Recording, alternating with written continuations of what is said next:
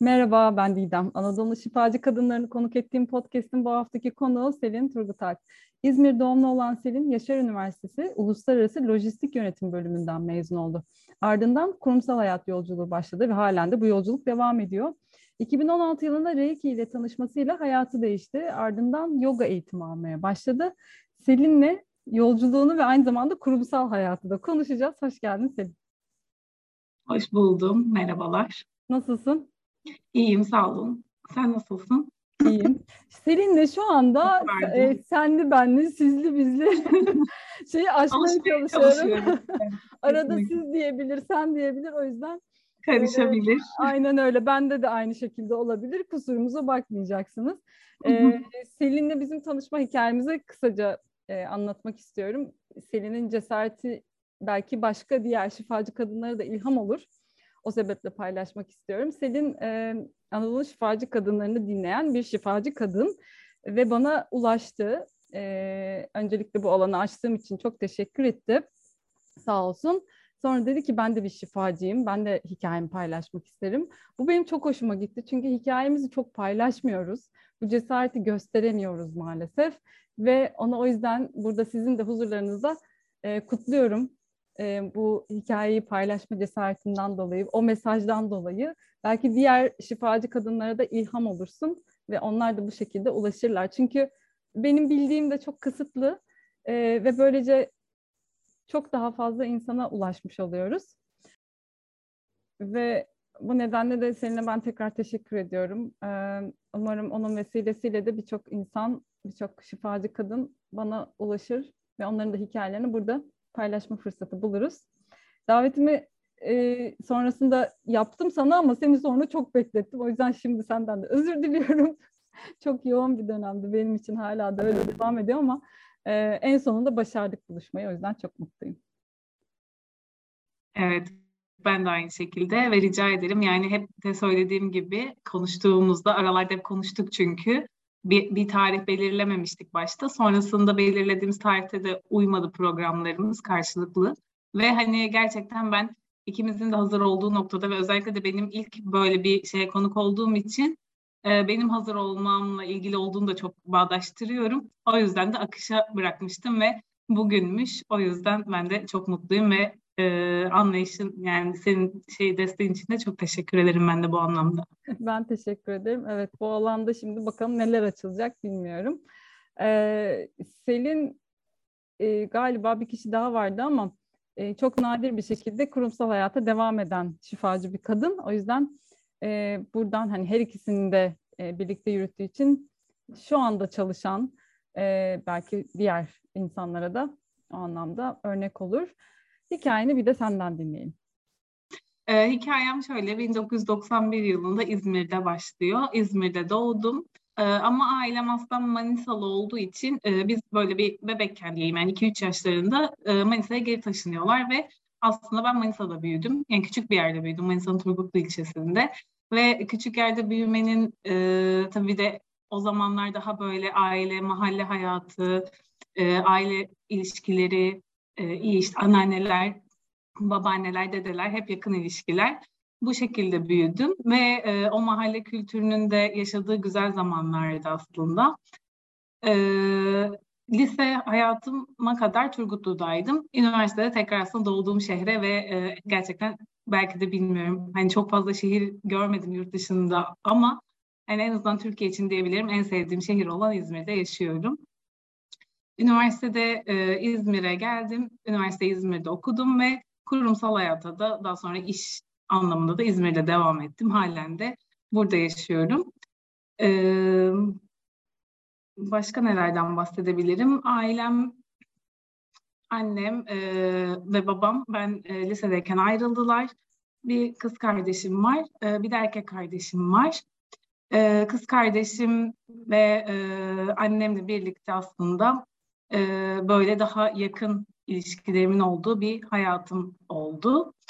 E, Onlarla hani nasıldı hem babanla hem annenle ayrı ayrı düşünürsek eğer evet. nasıldı onlardan evet, yani e, neler aldığını düşünüyorsun mesela? Yani annemle daha yakın bir ilişkim var ee, ve kız kardeşim de benden bir yaş küçük olduğu için onunla da böyle ikiz gibi büyüdük diyebilirim aslında. O yüzden biz böyle hani üç kız kardeş gibi ilişkilerimizin çok yakın olduğu bir e, dönemimiz oldu. Sonrasında tabii üniversitede kardeşim İstanbul'a gitti. Sonrasında annem de onunla birlikte onun yanına gitti. Ve ben böyle birazcık İzmir'de e, hani kendim hayatıma devam ettim. E, babamla böyle çok e, yakın ilişkilerimiz yoktu o dönemde. Biraz kopukluklar olmuştu o aralarda. O kısımları zaten daha sonrasında da e, anlatmayı planlıyorum. E, böyle yani hani kısaca hayatla ilgili şu an hani ilk anlatmak istediklerim bunlar. Şimdi hani bize öğretilen sırayla çok güzel bir okulda okumuşsun, mezun olmuşsun, sonra iş bulmuşsun. Ee, ne oldu peki sonra? Yani neden bir arayışa girdin? Hayatında bir kırılma mı yaşadın? Ne oldu orada? Hı hı. Burada aslında az önce bahsettiğim gibi babamla olan ilişkim bence buradaki en büyük faktör. Yani çünkü şimdi bu e, açıdan ve bu yaşımdan baktığım zaman aslında hayatımdaki büyük bir e, rol model, büyük bir e, önemli bir kişiyle ilgili yaşadığım sorunlar yani o veya bu sebeple burada artık kimseyi suçlamıyorum yani o suçlamaları bıraktım. E, bu şekilde oldu diyeyim. E, o beni birazcık arayışa itti. Yani babamla görüşmediğimiz bir dönem oldu. O noktada e, hayatımda işte o eril enerjiyi tekrardan e, nasıl aslında hani şu an baktığım zaman onun bir eril enerji eksikliği ve işte ailenin e, seni dünyaya getiren kişilerden birinin eksikliğinin aslında ne kadar büyük şeylere yol açtığını ve önünü nasıl tıkadığını fark ettikten sonra e, karşıma zaten bunlar çıkmaya başladı ve e, bu sadece şey değil hani ben babamla görüşmüyorum ve olay e, bu şekilde e, oldu bitti gibi olmuyor da birazcık işte bu iş hayatında yaşadığın sorunlara e, işte evliysen eşinle yaşadığın sorunlara veya işte kardeşinle veya annenle ya da başka bir arkadaşınla yaşadığın sorunlara kadar aslında hepsinde bir altyapısı oluyor. Sebeplerinden biri oluyor yani. Ee, ve işte böyle bir e, öfkeyle ilgili problemlerim vardı o zamanlar. Daha işte 20'li yaşların başından bahsediyorum. Tabii hepimizde olan o hani kanımızın deli kaynadığı zamanlar öfkeyi kontrol edememe, işte böyle sevdiklerimizi kırıp geçirme gibi bu noktalarda ben hep kendimi sorgulayan da biriydim. E, biraz da tabii hayatın erken olgunlaştırdığı şanslı e, kişilerden olduğumuzu düşünüyorum. O noktada e, karşıma aile dizimi, işte Reiki gibi böyle anlayışlar çıktı diyeyim. Hı. Aile dizimiyle zaten aslında böyle aileyle ilgili olan konularda kırılmalar yaşadım, farkındalıklar yaşadım. Ve ondan sonra zaten olaylara karşı bakış açım çok değişti. Ee, işte dedi, az önce de dediğim gibi o suçlamaları bıraktım. Ee, yani aslında hiçbir şeyin sorumluluğu tek, hiçbir zaman tek bir insanda değil. Bunu öğrendim.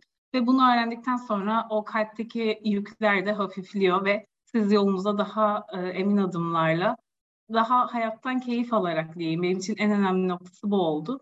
Hayattan keyif alarak devam etmeye başladım. Hı hı. Peki babanla olan ilişkin de şifalandı mı böylece? Nasıl şimdi iletişiminiz?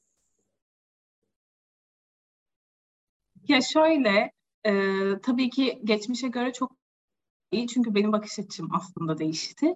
Hı hı. E, ve bakış açım değiştiği zaman yani şöyle, babam yine aynı insan belki ama benim bakış açım değiştiği için olaylara karşı, olaylardan aldığım o e,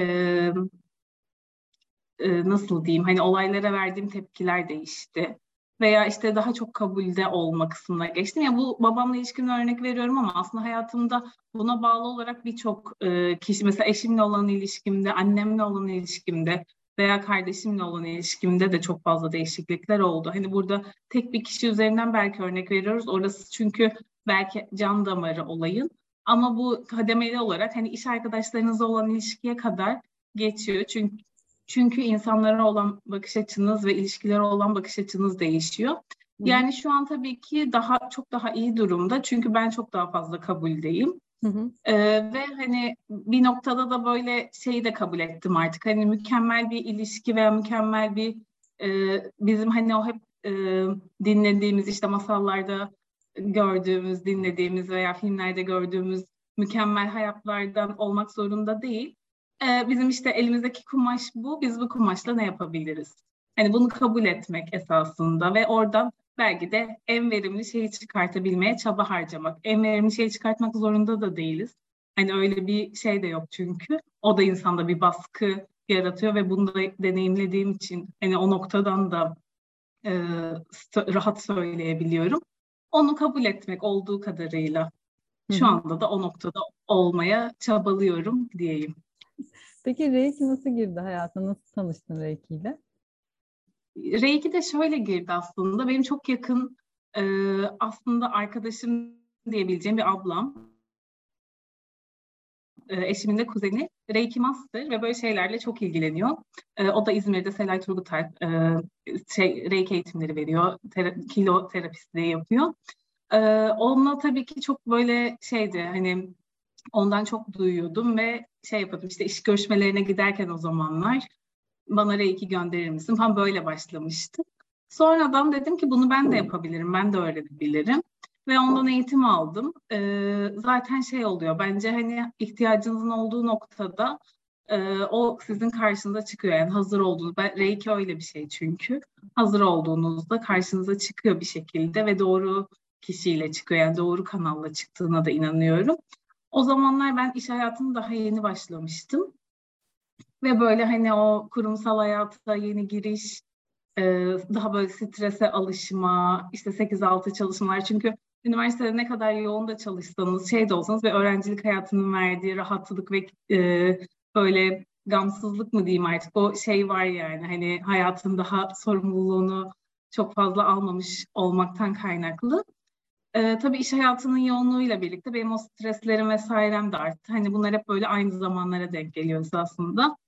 Sonra Reiki'yi aldıktan sonra da böyle e, onu hayatıma aslında hızlıca adapte ettim ve hani her, neredeyse her gün kullandığım, başvurduğum bir şey oldu benim için. Böyle bir dayanak gibi, bir destek gibi. E, ve Reiki'nin de aslında çok e, bana olumlu anlamda bu farkındalığımı arttırma konusunda yardımcı olduğunu düşünüyorum. Neler fark ettin peki bu yolculuk esnasında Reiki'nin hayatına girmesiyle birlikte neler çıktı ortaya? O çıkan şeylerle nasıl e, yüzleştin? Onlardan bahseder misin biraz? Tabii yani şöyle çıkan şeylerle yüzleşme kısmı çok kolay olmuyor her zaman. Kolay olduğu şeyler de oluyor. Hani böyle şimdi herkesi korkutmak gibi de olmasın ama yani e, bazen gerçekten kanırta kanırta da yüzleştiğiniz oluyor. Burada benim en e, önemli aslında iş hayatında insanlarla olan ilişkim. E, çok daha fevri ve e, şey yaklaşırdım olaylara böyle ya da işte bazen pasif agresiflik dediğimiz tamamen kendi içimde yaşama dışarıya karşı çok sessiz ve uyumlu gibi görünüp aslında içinde fırtınalar kopan ve bu esasında o enerji yansıyor yani siz ne kadar sessiz de kalsanız o negatiflik sizden dışarıya yansıyor. Ve ben en önemli hani örnek olarak şunu verebilirim. İş hayatında eski çalıştığım şirkette şu an orada çalışmıyorum. Yani gerçekten insanların enerjisi böyleydi. Herkes negatifti. Herkes her gün şikayet ederdi. Ve böyle bir şeyde ortamda çalışmak da gerçekten insanı çok zorluyor her anlamda. Yani çünkü günün belli bir saatin yani çoğu saatini iş yerinde geçiriyoruz. Şimdi pandemiyle birlikte evden çalışmalar da başladı ama o zamanlar öyle bir şey de yoktu. Yani siz 10 saat boyunca negatif enerjiye maruz kalıyorsunuz, negatif yükleniyorsunuz. Zaten iş yoğun ve stresli. E sonra akşam da tabii veya günün kalanında kendinize vakit ayıracağınız zamanlarda da o enerjiyle baş etmeye çalışıyorsunuz. Reiki bu anlamda bana çok yardımcı oldu. Yani tabii bu böyle hemen Reiki hayatıma girdi ve şıp diye ben e, bir enerji level atladım. İşte iş değiştirdim, pozitif insanlarla çevrelendim olmadı.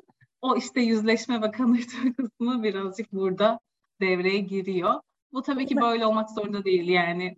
E, yani o biraz aslında o kanırtmanın sebebi o ki o kimliğe tutulmak yani onu onu bırakmakta direnmek olduğunu düşünüyorum. Yoksa aslında süreç süreç öyle zor bir süreç değil. Bizden ötürü öyle zorlaşıyor aslında. Peki kendine dair mesela böyle şaşırdığın, aa ben böyleymişim dediğin bir şey keşfettin mi?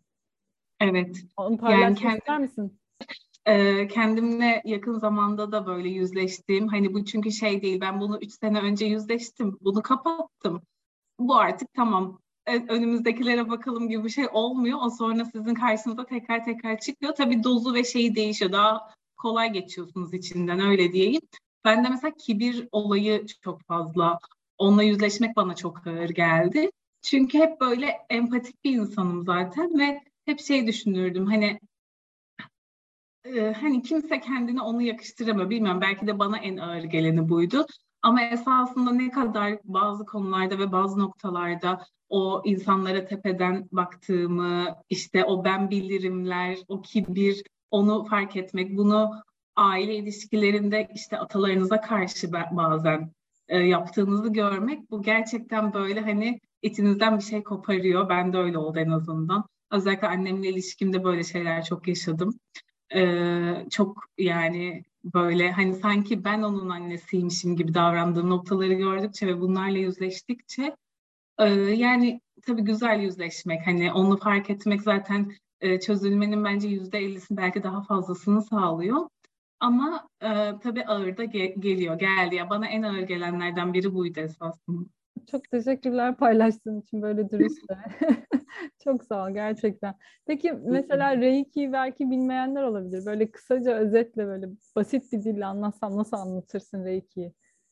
Tabii e, Reiki aslında Japonca bir kelime ve uzak doğuda e, ortaya çıkıyor 20. yüzyıl civarı.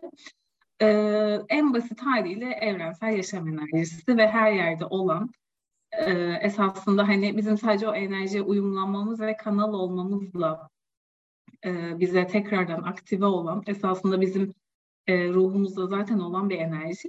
Sadece biz onu kullanmayı öğreniyoruz tekrar, aktive ediliyor ve kanal oluyoruz. E, sevgi ve şifa enerjisi böyle e, olanların bizim en hayrımıza olacak şekilde gerçekleşmesine destek olan, e, bizi destekleyen bir enerji ve böyle asla kötüye, e, negatife çalışmayan bir şey. O yüzden de ben çok güvenli buluyorum Reiki'yi çok böyle rahatlatıyor. Meditasyonlarda odaklanmayı e, sağlar, yani da destek olur. Ben hani yoga yaparken de, meditasyon yaparken de Reiki'yi hep kullanıyorum. Biraz da böyle benim için şey, hani yardım, help şeyi gibi. E, böyle bir sıkıntı yaşadığım zaman hemen Reiki ile destek, hani belki de rahatlatıyor beni. Ama tabii şey, e, bilimsel çalışmaları da var Reiki'nin. Hastalıklar üzerinde e, destekleyici olarak da kullanılıyor ve e, üniversitelerde dersleri bile verilmeye başladı artık. Yurt dışında daha yaygın tabii. Umarım Türkiye'de de daha çok e, yaygınlaşır bu anlamda. Sağlık anlamında da destekleyici bir enerji. Hı hı. Şimdi bir de senin çalışma hayatın var. Full time çalışıyorsun. Ee, işte 8-5 mi 9-6 mı bilmiyorum o kısmını ama bütün günü alan bir çalışma hayatım var. Ee, hem bu işlerle uğraşmak hem bir yandan kurumsal hayata devam etmek nasıl bir şey? Yani bir kere gerçekten yorucu. Ama e, benim hayatımda şöyle bir değişiklikler oldu. Yani eskiden akşamları oturup belki bütün gün televizyon izlerken şimdi işte o bir saati yogaya ayırmak, belki bir yarım saati meditasyona ayırmak. Yani bu böyle her gün bu şekilde olmak zorunda da değil. Hani orada da bence bir denge önemli ve kendimizi böyle sıkıp hani onu görevmiş gibi değil de daha çok gerçekten keyif aldığımız için yapmak. Hani buna daha fazla önem vermeye çalışıyorum. Ee, orada işte hani o gün gerçekten içimden gelmiyorsa yapmamak belki ve e, kurumsal hayatın stresinden birazcık olsun hafifleyebilmek için de bu çalışmalardan destek almak benim için bu şekilde şu an ilerliyor. Ee, yani dediğim gibi bazen bu yürüyüş oluyor. Aslında yürüyüş yapmak da bir nevi yoga diyebilirim. Hani o da bir nevi meditasyon. Ya gerçekten o zihni rahatlatmak, birazcık daha kendinle bağlantıya geçmek, bedenini daha çok hissetmek, farkına varmak gibi. Ee, o yüzden iş hayatına tabii ki bu çok olumlu anlamda yansıyor. Ama e, zorladığı noktalarda oluyor yani. Hani bazen bir eğitime katılmak istiyorsunuz ama o işe de gitmek zorundasınız artık orada zamanı birazcık daha verimli kullanmayı da öğreniyorsun. Peki ileride ayrılmayı düşünüyor musun? Hani ben sadece bu şifa işleriyle ilgilenmek istiyorum. Kurumsal hayatı da sadece hani buna bir basamak olarak kullanıyorum mu diyorsun? Nasıl yoksa böyle mi devam edecek sence? Yani o konu aslında benim için e, böyle çok net değil henüz. Yani çok böyle önümü gördüğüm bir noktada değilim bu anlamda. Tabii ki böyle hani e, bu işlere daha çok yoğunlaşmak ve e, belki bunu mesleğim olarak gerçekleştirmek gibi hayalim var ama zaman zaman bu şeye de dönüşüyor. Yani acaba bunu mesleğim olarak yaparsam bu kadar keyif alabilir miyim sorusunu soruyorum kendime o noktada. E, hani işe dönüşüp o alandan maddi para kazanmaya dönerse bu belki benim bu kadar keyif aldığım bir şey olmaz diye de düşünüyorum. Şu anda da çalıştığım şirketten ve şeyden çok e, mutluyum yani çalıştığım şirkette yaptığım işle. Çünkü aslında yapılan işten ziyade orada bulunduğum ortam, e, iş arkadaşlarım ve oradaki o insanların enerjisi, az önce bahsettiğim o eski işimdeki negatiflikler burada pozitife dönüştü benim için. Bu senden Bu anlamda, ötürü olabilir mi? Tam da ben de oraya bağlayacaktım. Benim iş değiştirme dönemime de baktığım zaman aslında bu farkındalıkların ve işte Reiki'nin hayatıma girmesi, aile diziminin hayatıma girmesi ve bunları sindirdiğim noktada ben böyle bir iş değişikliğine gittim. Ve kesinlikle e, benim enerjim değiştiği için aslında bu şeydir ya hani kendiniz gibileri çekersiniz etrafınıza. Yani şu an etrafımızda olan kişileri suçlarken bir kere de şeyi düşünmek gerekiyor. Hani ben nasıl bir enerji yayıyorum? Ben kime bunu yapıyorum ki benim karşıma böyle insanlar çıkıyor diye sorduğunuzda zaten o cevap geliyor yani o kilit nokta orada bence. Kesinlikle bende de öyle oldu. O yüzden şu an hani iş değiştirme ve tamamen kurumsalı bırakıp bu işlere geçme gibi bir e, hedefim yok şu, şu aşamada. E, eğitimler almaya devam ediyorum. Kendimi daha çok nasıl geliştirebilirim? İşte yogayı daha çok hayatıma nasıl katabilirim? Tabii bu zamanla neye evrilir, ne olur orası artık onu da yolda göreceğiz diyorum. Ee, şimdi ben tabii hani kurumsal hayattan ayrılalı 6 sene oldu. Benim için de işte hani tükakaydı kurumsal hayat ama kurumsal hayattan ayrıldıktan sonra şunu fark ettim ki hani kendim ben değişmediğim sürece nereye gidersem gideyim benzer şeyleri yaşayacağım. Benzer insanlarla karşılaşacağım. O nedenle şimdi artık hani kurumsal hayatı suçlamaktan ziyade önce kendime bakmaya çalışıyorum. Ee, belki bu anlamda şu anda hani iş hayatında çalışıp sıkışmış hissedenlere de belki bu söylediklerin dokunur diye düşünüyorum. Ee, peki sonrasında bu süreçte sen aile dizimlerine devam ettin. Ondan çok bahsettin hikayeni anlatırken. Ee, aile dizimiyle ilgili nasıl bir şifalanma yaşadın? Ben onu merak ediyorum. Orada neler açıldı? Hı hı. E, aile diziminde aslında kısaca aile diziminden bahsetmek gerekirse Bertelinger, Alman e, psikolog Bertelinger'in bulduğu bir terapi yöntemi. E, psikodrama gibi bir şey diyebiliriz. Burada e, genelde aileyle yaşadığı atalardan gelen, bizim bildiğimiz veya bilmediğimiz aslında epigenetikte aktarılan nasıl ki bizim saç rengimiz, göz rengimiz bize aktarılıyorsa aslında atalarımızın yaşadığı travmalar da e, bize aktarılıyor. Bu noktalarda işte sizin dedeniz e, bir savaşta birini öldürdüyse aslında siz de belki kurban rolünde olabiliyorsunuz bu hayatta. Bu noktalarda çok e, çözülmeler gördüm ve bu tarz çalışmalara katılmak sadece hani dizim açtırmak değil belki katılımcı olarak katılmak bile bende çok fazla farkındalık ve şifa e, oldu. Yani e, kesinlikle orada onu görmek bile yetiyor bazen. Hani üzerine çok fazla düşünmeye ve bu neymiş, nasıl olmuş demeye bile gerek kalmıyor çoğu zaman.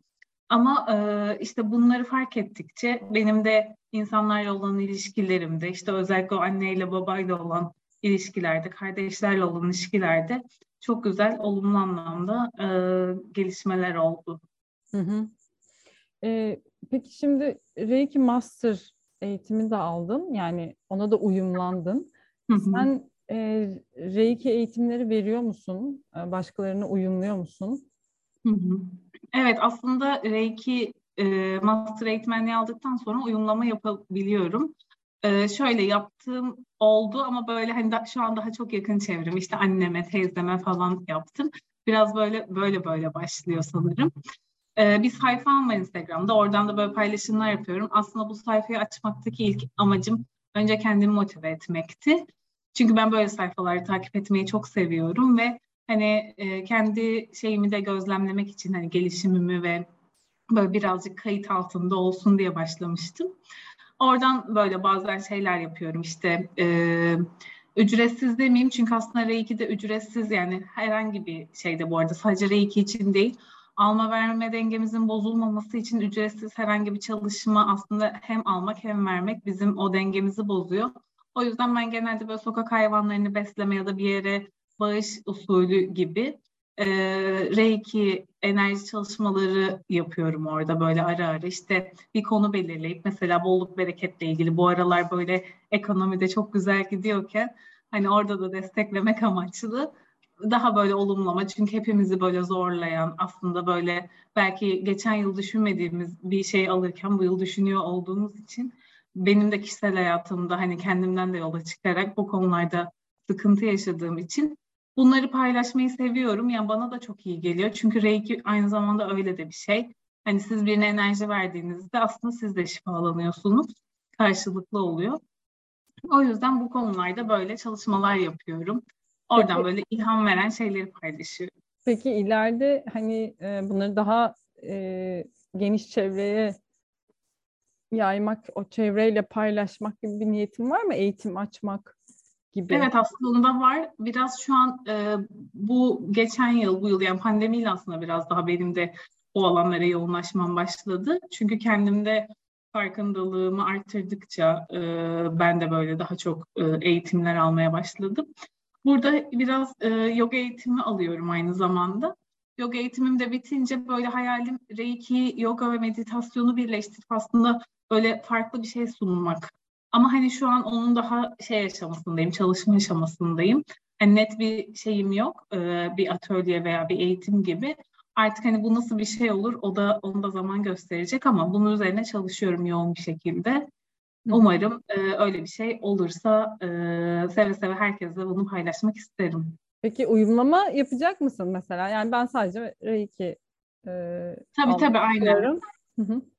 Evet yani isteyenlere zaten şu anda aslında yapabiliyorum uyumlama. Hı hı. Peki şu bu an... uyumlama çalışmaları ne kadar sürüyor?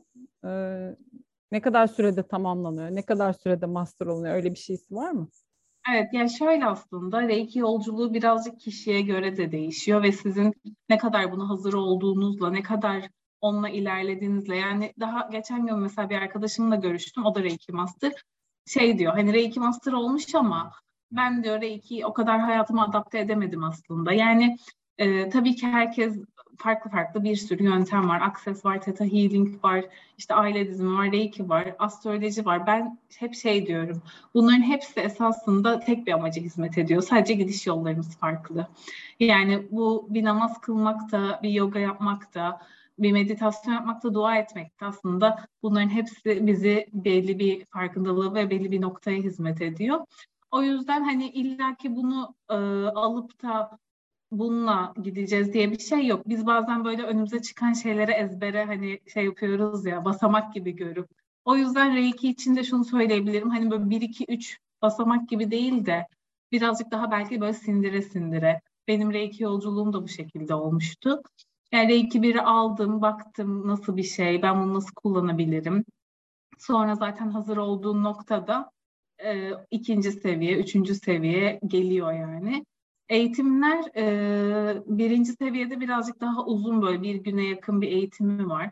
Yani bir 4-5 saat, 6-7 saat diyebilirim. Orada birazcık hani enerji e, ve çakralar üzerinde yoğun bir konu anlatımı oluyor.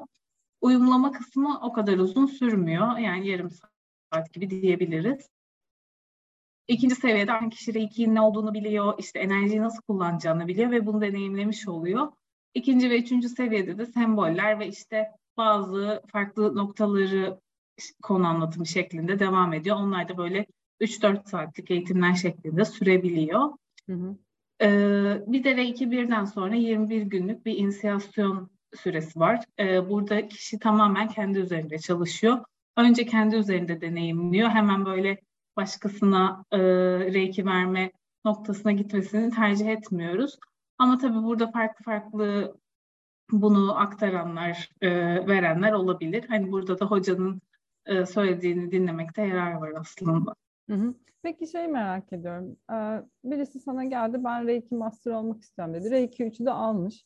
Sen Reiki Master tamam oldu gel deyip ona masterlık eğitim veriyor musun yoksa o belli bir süreçten geçiyor mu?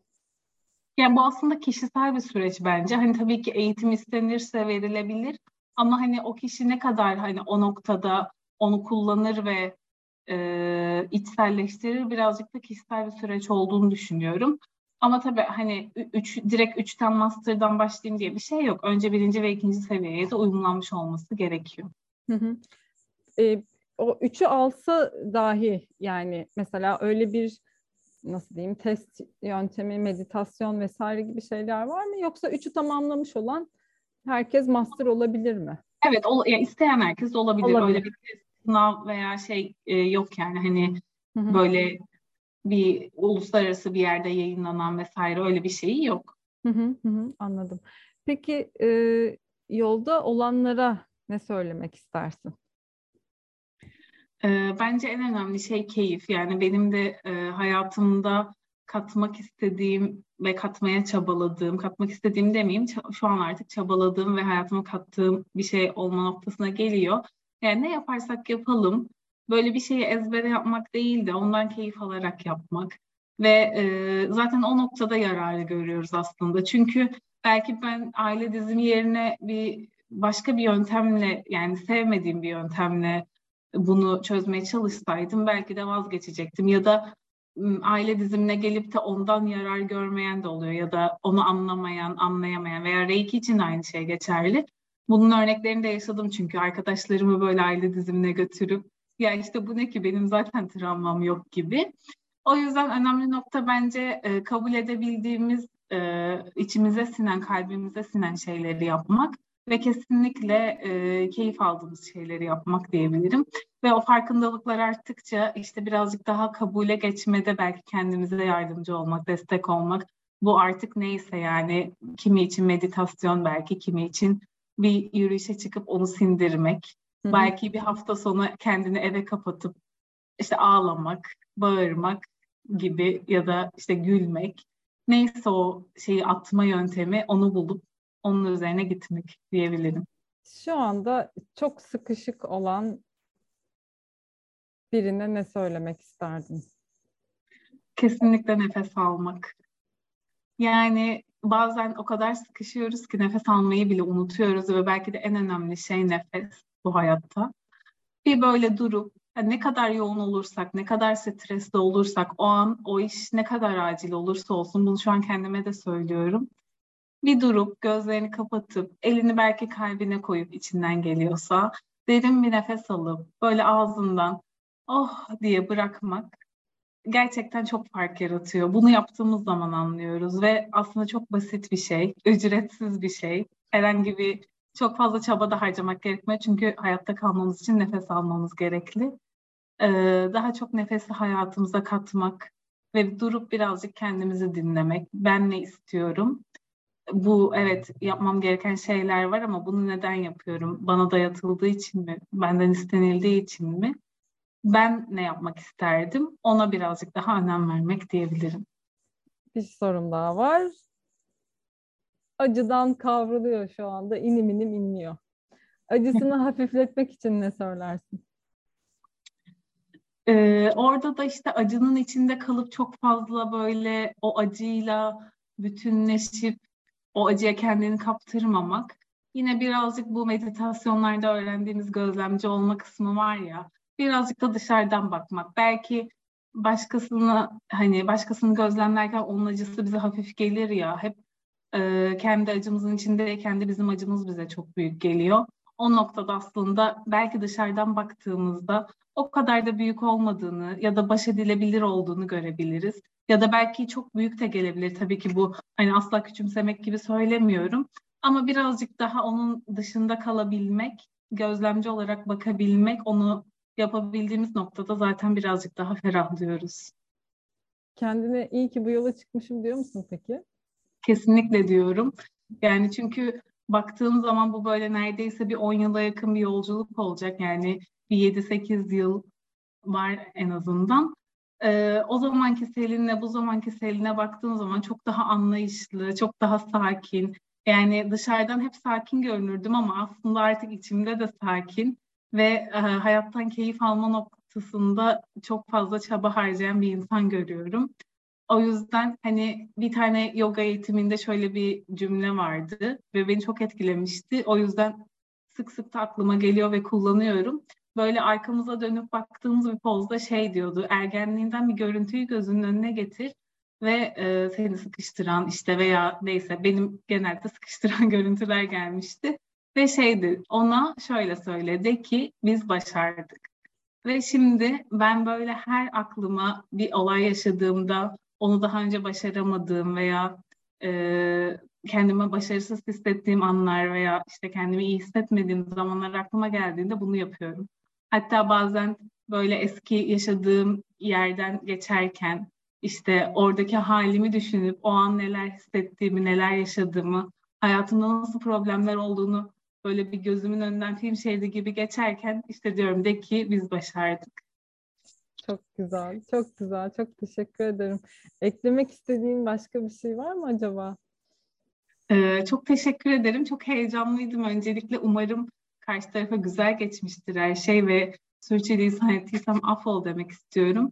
Çok memnun oldum seni tanıdığıma da ve e, bu platformda yer almama e, olanak sağladığın için çok teşekkür ederim. Ben teşekkür Dinleyen herkese de çok teşekkür ediyorum ve e, umarım çok keyifli geçer e, onlar için de bundan sonrası. Dilerim. E, bence sen de onlara hem şu an kurumsal hayatı devam ettiriyorsun hem bir yandan şifa tarafı devam ediyor ve asıl meselenin aslında işte kendimiz olduğunu da çok güzel vurguladın. O yüzden eminim ki birçok insana çok güzel örnek olacak. Çok güzel mesajlar gitmiştir diye tahmin ediyorum. Ve evet yani benim de kusurum olmuştur. Kusura bakmayın ama en büyük kusur internet bizde şu anda. Biraz internet bizi Ama e, yani bence kusurumuza bakmazlar. Ben öyle biliyorum. E, aramızdaki bağ çok güçlü çünkü. Evet. Kusur görmezler dinleyenler. Ee, çok sağ ol. Çok teşekkür ediyorum tekrar mesaj gönderdiğin için. Seni tanıdığım için çok mutluyum. Ee, de. Yüz yüze de tanışırız. Seferihisar'a yolu düşerse beklerim her Evet zaman. inşallah tabii ki. Neden olmasın? Ben de çok isterim. Ve senin gibi siz de eğer hikayenizi paylaşmak isterseniz lütfen bana mesaj gönderin. Ee, sizi ağırlamak isterim bu alanda. Hikayenizi duymak çok isterim. Çünkü bu hikayeler beni ve siz dinleyenleri de iyileştiriyor. Kesinlikle. Ve böyle bir alan açtığın için de ayrıca tekrar teşekkür etmek isterim. Sizin sayenizde bu alan olduğu için ben hepinize tek tek teşekkürler. Bu kadar zaman süreceğini ben de tahmin etmiyordum ama sayenizde e, devam ediyorum ben de. E, ve çok teşekkürler tekrar dinlediğiniz için. Bir sonraki podcast'te görüşmek üzere. Hoşçakalın.